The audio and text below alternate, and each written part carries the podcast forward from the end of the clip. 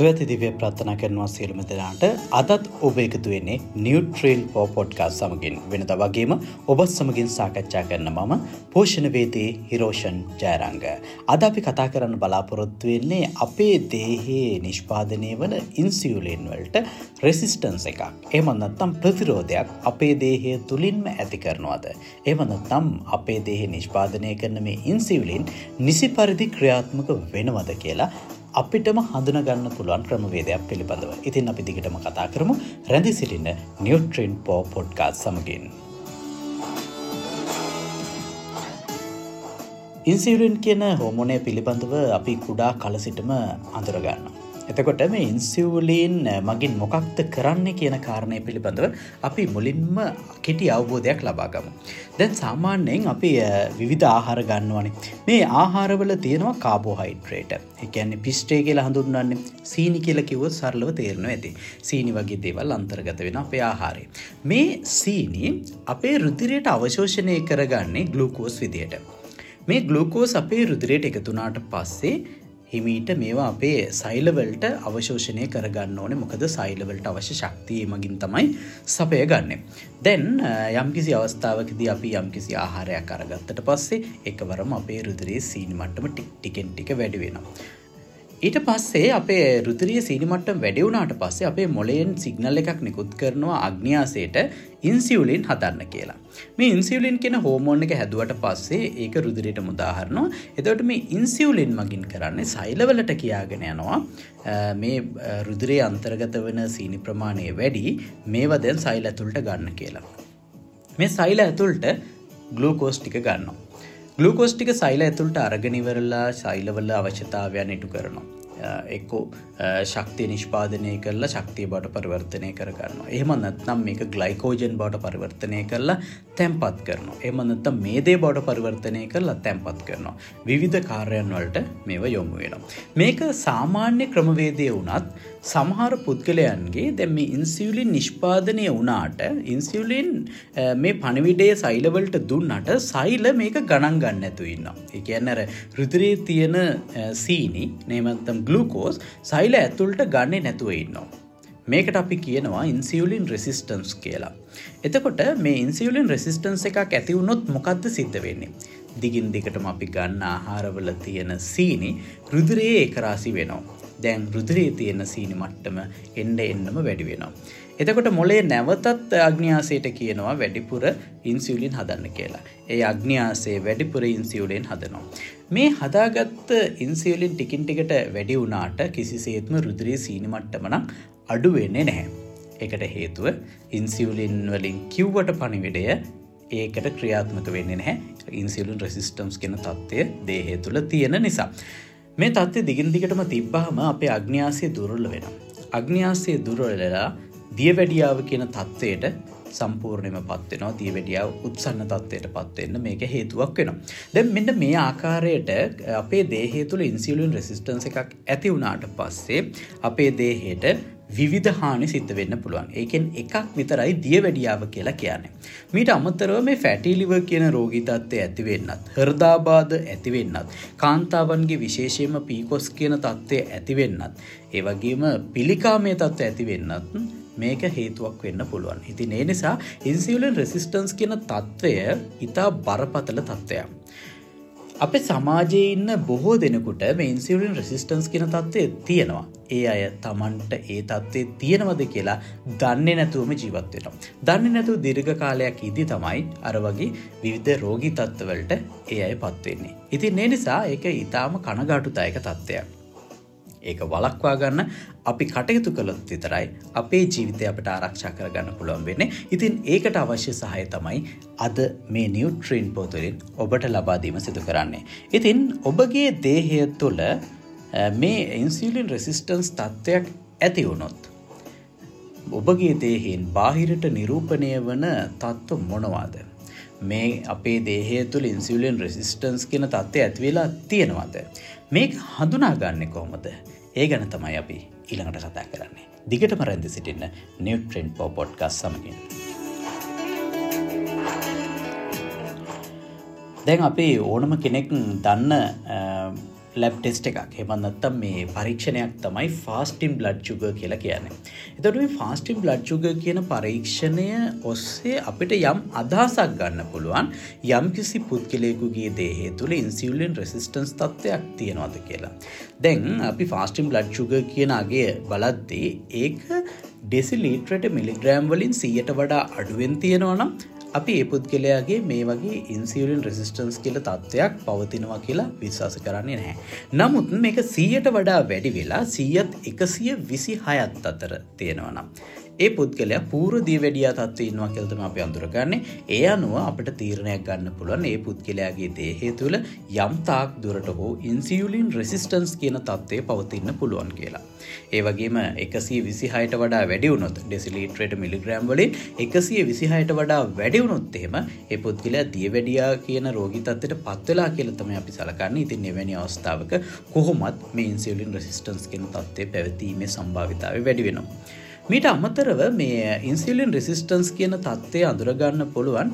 OGTT කියන පරීක්ෂණය භාවිතා කරලා. දැන් ඕරල් ගලුකෝස් ටොලරන්ස් ටෙස්ට් කියන එක. මේක බොහෝ විට ගර්භණය කාන්තාවන්ට දෙන පරීක්ෂණයක්. ගර්භණය කාන්තාවන්ට ගලුකෝස් සම්පල් එකක් බොන්න දීලා මේ පරීක්ෂණය සිදු කරනවා. පැෑ කීපයක් තිස්සේ රුදුර සාම්පල් ලබා ගැනමින් පරීක්ෂා කරනවා. රුදුරේ සීනි මට්ටම අඩු කිරීමේ හැකියාවක් දේහයට තියෙනවද කියලා. එතකොට මේ පරීක්ෂණයේදී තනපේක්ෂිත ලෙස රුදුරේ සීනි මට්ටම වැඩි අගයන්වල පවතිනවනම් ඒ පුද්ගලයාගේ දේහේ තුළ අප මේ කතා කරන ඉන්සිවලින් රෙසිස්ටන්ස් කියන තත්ත්වය පැවතීම හැකියාව පවතිනවා. ඒ වගේම අපි දන්නවා හැමෝම මේ ලිපිට් ප්‍රොපයිල් එක. මේ ලිපිට් ප්‍රොපයිල් එක කරාට පස්සේ අපිට ප්‍රතිඵලයක් විදිහට HDL සහ LDL කියන එකට අගයන් ලැබෙනවා. සාමාන්‍ය HDL අගය අඩු වෙලා LDL කියන බෑඩ් කලස්ට්‍රෝල් එකේ අගය වැඩිවුණොත්තේම ඒ පුද්ගලයාගේ දේහය තුළත් මේ වගේ ඉන්සිවලන් රෙසිස්ටන්ස් කියන තත්ත්වයක් පැවතීමේ හැකියාවක් පවතිනවා. දැන් ඒ අපි කතා කරමේ ලැබ් ටෙස්ට් කීපයක් සම්බන්ධයෙන්. මීට වඩා වෙනස් එකක් අපිට ගෙදරදීම කරන්න පුළුවන් පරීක්ෂණයකුත් තියෙනවා. ඒ පරීක්ෂණය ඇත්තටම ඔබට පාසයෙන්ම කරගන්න පුළුවන් වෙනවා. ඇකැන්තෝසිස් නිග්‍රකෑන් කියලතම අප මේක හඳුන්නාන්නේ මේක සමහි ඇතිවන්න වූ වෙනසක් ඔස්සේ තම අපට බාහිරට නිරූපණය වෙන්නේ. දැන් ගෙල පිටු පස ප්‍රදේශයේ. කිහිලි ඉකිලි ආදී ප්‍රදේශ ගත්තහම ඒවල අඳුරු පැහැවෙලා තියෙනවන හයිප පිගමන්ටේෂන්ස් තත්ත්වයට පත්වෙලා තියෙනවනම් ඒකෙන් බොහෝවෙන් නිරූපණය කරන්නේ ඔබගේ දේහෙ තුළ ඉන්සිියලින් රෙසිස්ටන්ස් කියන තත්ත්වයක් තියෙනවා කියලා. ඉතින් ඔබටම මේක කැඩපතක් භාවිතා කරලා පරීක්ෂා කරන්න පුළුවන් එහෙම නැත්නම් ඔබගේ නිවසේ සිටින යම්කිසි කෙනෙකුගේ උදව් උපකාර ලබා ගනිමින් මේක පරීක්ෂා කරගන්න පුළුවන්. ඇත්තටම මේ තත්ත්වය බොහෝ දෙනෙකුට තිබුණත් ඒ ගැන කල්පනාකාරී වෙන්නේ නෑ ඒ ගැන හිතන්නේ නෑ එක්කො ඒ ගැන දන්නේ නෑ. ඉති මෙන්න මේ වගේ කාරණා නිසා දියවැඩියාවකින් රෝගී තත්වයට පත්වෙලා ඒ මඳුත්තම් වෙනත් රෝගී තත්වකට පත්වෙලා තමයි මේක කෙලවර වෙන්නේ. ඉතින් ඒ නිසා ඒ පිළිබඳව දැන සිටීම ඉතාමත් වැදගත් වෙනවා. ඒ වගේම මේ ඉන්සිියලින් රෙසිස්ටන්ස් කෙන තත්ත්වය තියෙනවද කියලා හරියටම අවබෝධ කරගන්න පුළුවන් හරියටම හොයාගන්න පුළන් ලැබ්ටෙස්ට එකක් එමනතම් විද්‍යාගාර පරීක්ෂණයකුත් තියෙනවා. මේක අපි කියන්නේ හෝමා අයිR පරීක්ෂණය කියලා. HOMA IR පරීක්ෂණය. එතකොට මෙන්න මේ පරීක්ෂණයෙන් අපිට රිජුවම කියන්න පුළුවන් ඒ පුද්ගලයාගේ දේහය තුළ ඉන්සිියලින් රෙසිස්ටන්ස් කියන තත්ත්වයක් තියෙනවද කියලා දැම් වර්තමානය වෙනකොට ලංකාව තුළත් මේ පරීක්ෂණය සිදු කරගන්න පුළුවන් වෙනවා අද වෙනකොට මේක මිල සාමාන්‍යයෙන් හයදස් පන්සියක වගේ මිලක් වෙනවා මේ පරීක්ෂණය සිදු කරගන්න. ඉතින් මේ පරීක්ෂණය ඔස්සේ දේහය තුළ ඉන්සිලන් රෙසිස්ටන්ස් කියෙන තත්ත්වයක් තියෙනවද කියලා හරියටම අපට විනිශ්චය කර ගැනීමේ හැකියාවකුත් තියෙනවා. ඉතින් මෙට මේ වගේ ක්‍රම භාවිතා කරලා ඉන්සිලින් රෙසිස්ටන්ස් කියෙන තත්ත්වය අපට අඳුරගන්න පුළුවන්. ඉතින් ඔබ යම්කිසි අවබෝධයක් ලබාගන්න ඇති මේ ඉන්සිලන් රෙසිස්ටන්ස් කියන තත්ත්වය අඳුරගන්න කොහොමද කියලා. අපි ඉන්සිලන් රෙසිස්ටන්ස් කියන තත්ත්වයක් අපට තියෙනවා කියලා අඳුරගත්ත කියමුකෝ. ඊළඟට අපි මොනවද කරන්න ඕනේ. මෙන මේ කාරණය තමයි අද සාකච්ඡායි වැදගත්ම කොටස. මොකද අපිට යම්කිසි රෝගිතත්වයක් තියෙනවා කියලා හඳුනගත්තොත් මුලින්ම අපි ඒක නැවත යතතත්වයට පත් කරගන්න කොහොමද කියන කාරණයක් අපි දන්නවනම් අපට පුළුවන් එක ඉක්මනෙම නැවත යතතත්වයට පත් කරගන්න දීර්ඝ කාලිනෝ රෝගිතත්වයට පත්වෙන නැතුව. ඉතින් අපි ඊළඟට ඒ පිළිබඳව කතා කරමු රැඳි සිටින දිගටම නිියුට්‍රෙන්් පෝ පොඩ්කාස් සමගින්.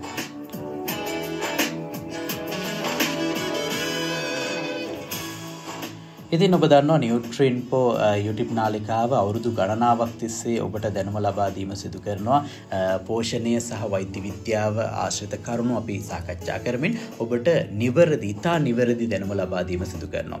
ඒ වගේ විශේෂයෙන් කියන්න ඕනේ අපි සාකච්ඡා කරන බොහෝ දේවල් වලට අදාළ සමීක්ෂණ වාර්තාවලට රෙෆරන්ස් ලින්ක්ස් අපි ඩිස්ක්‍රපෂන් එක සඳහන් කරලා තියෙනවා ඉතින් ඔබ තවදුරටත් අධ්‍යනය කරන්න කැමතිනම් ඒ ලින්ක්ස් භාවිතා කරලා ඒ රිසර්ච් අධ්‍යනය කිරීමේ හැකියාවකුත් පවතිනම්.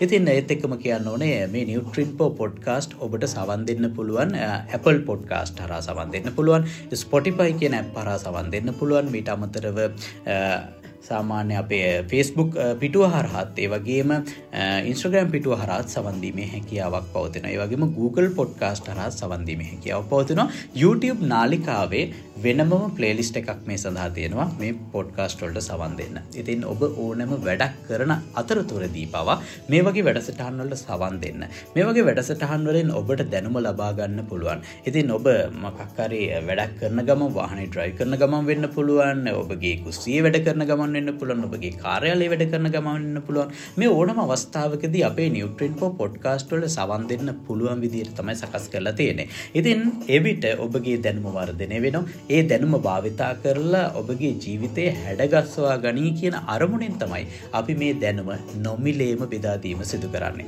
ඉතින් බොහෝ දෙනෙකුගේ ඉල්ලීම මත ඔන්ලයින් කන්සල්ටේෂන් පලට්ෆෝර්ම් එකක් නිර්මාණය කරලා තියෙනවා බොහෝ දෙනෙක්. දැන් අපේ ලංකාවේ සිටින අය වගේම දැන් ලංකාවී සිටියත් ඈත පලාත්වල ජීවත්වෙන අයට මා හමුවීමට පැමිණීමට නොහැකි තත්ත්වයක් තියෙනවා. ලොකු ඩිස්ටන්ස් ට්‍රවලින් කියල කියන්නේ අපහසු දෙයක් නිසා.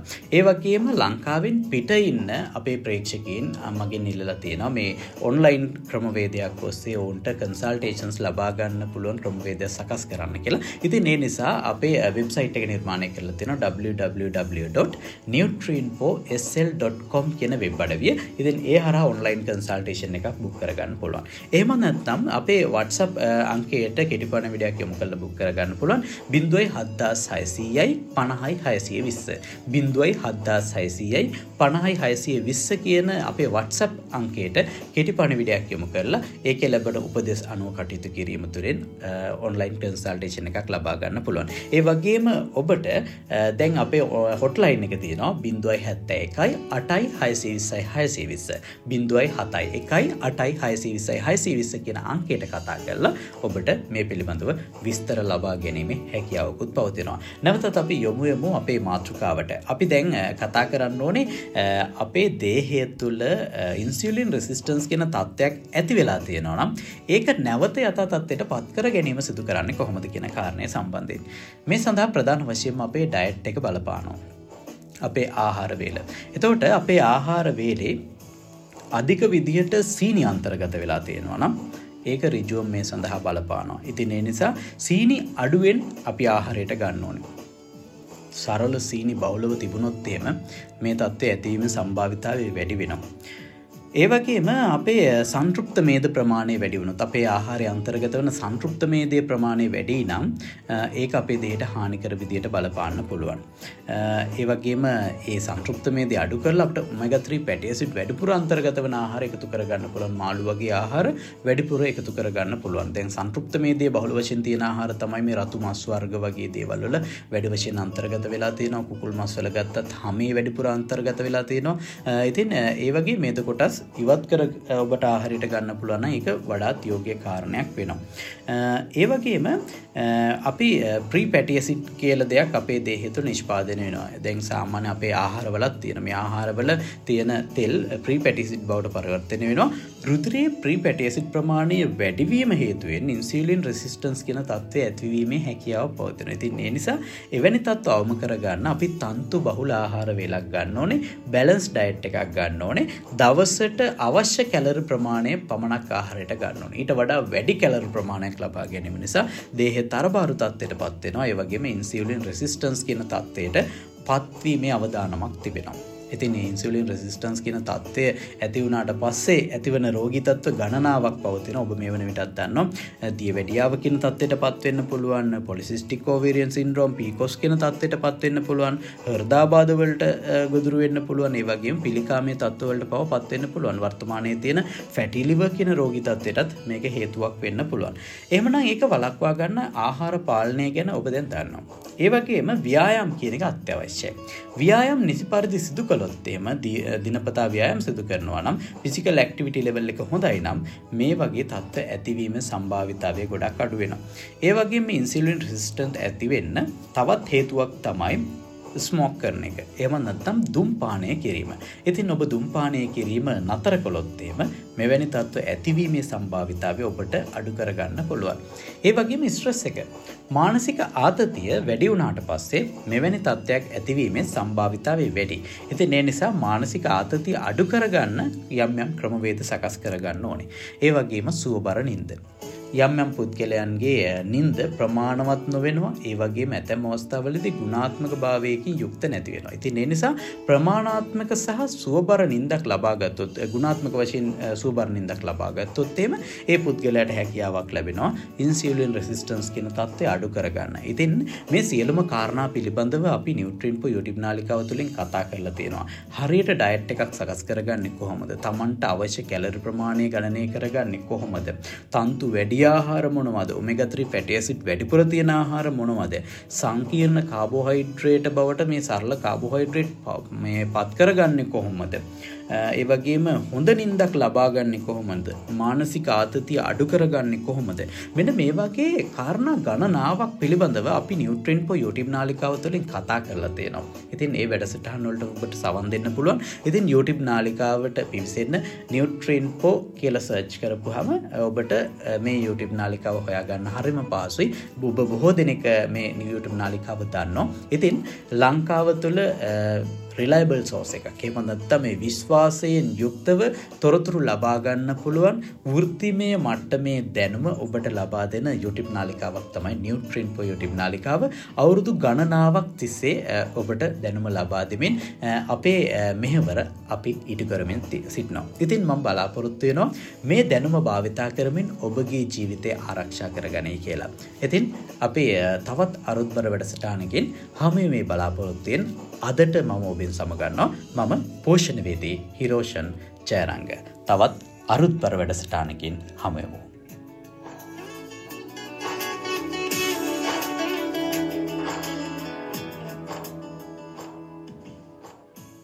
ඔයා පරාඩු කරගන්න හොය හොය ඉන්න කෙනෙක්ද?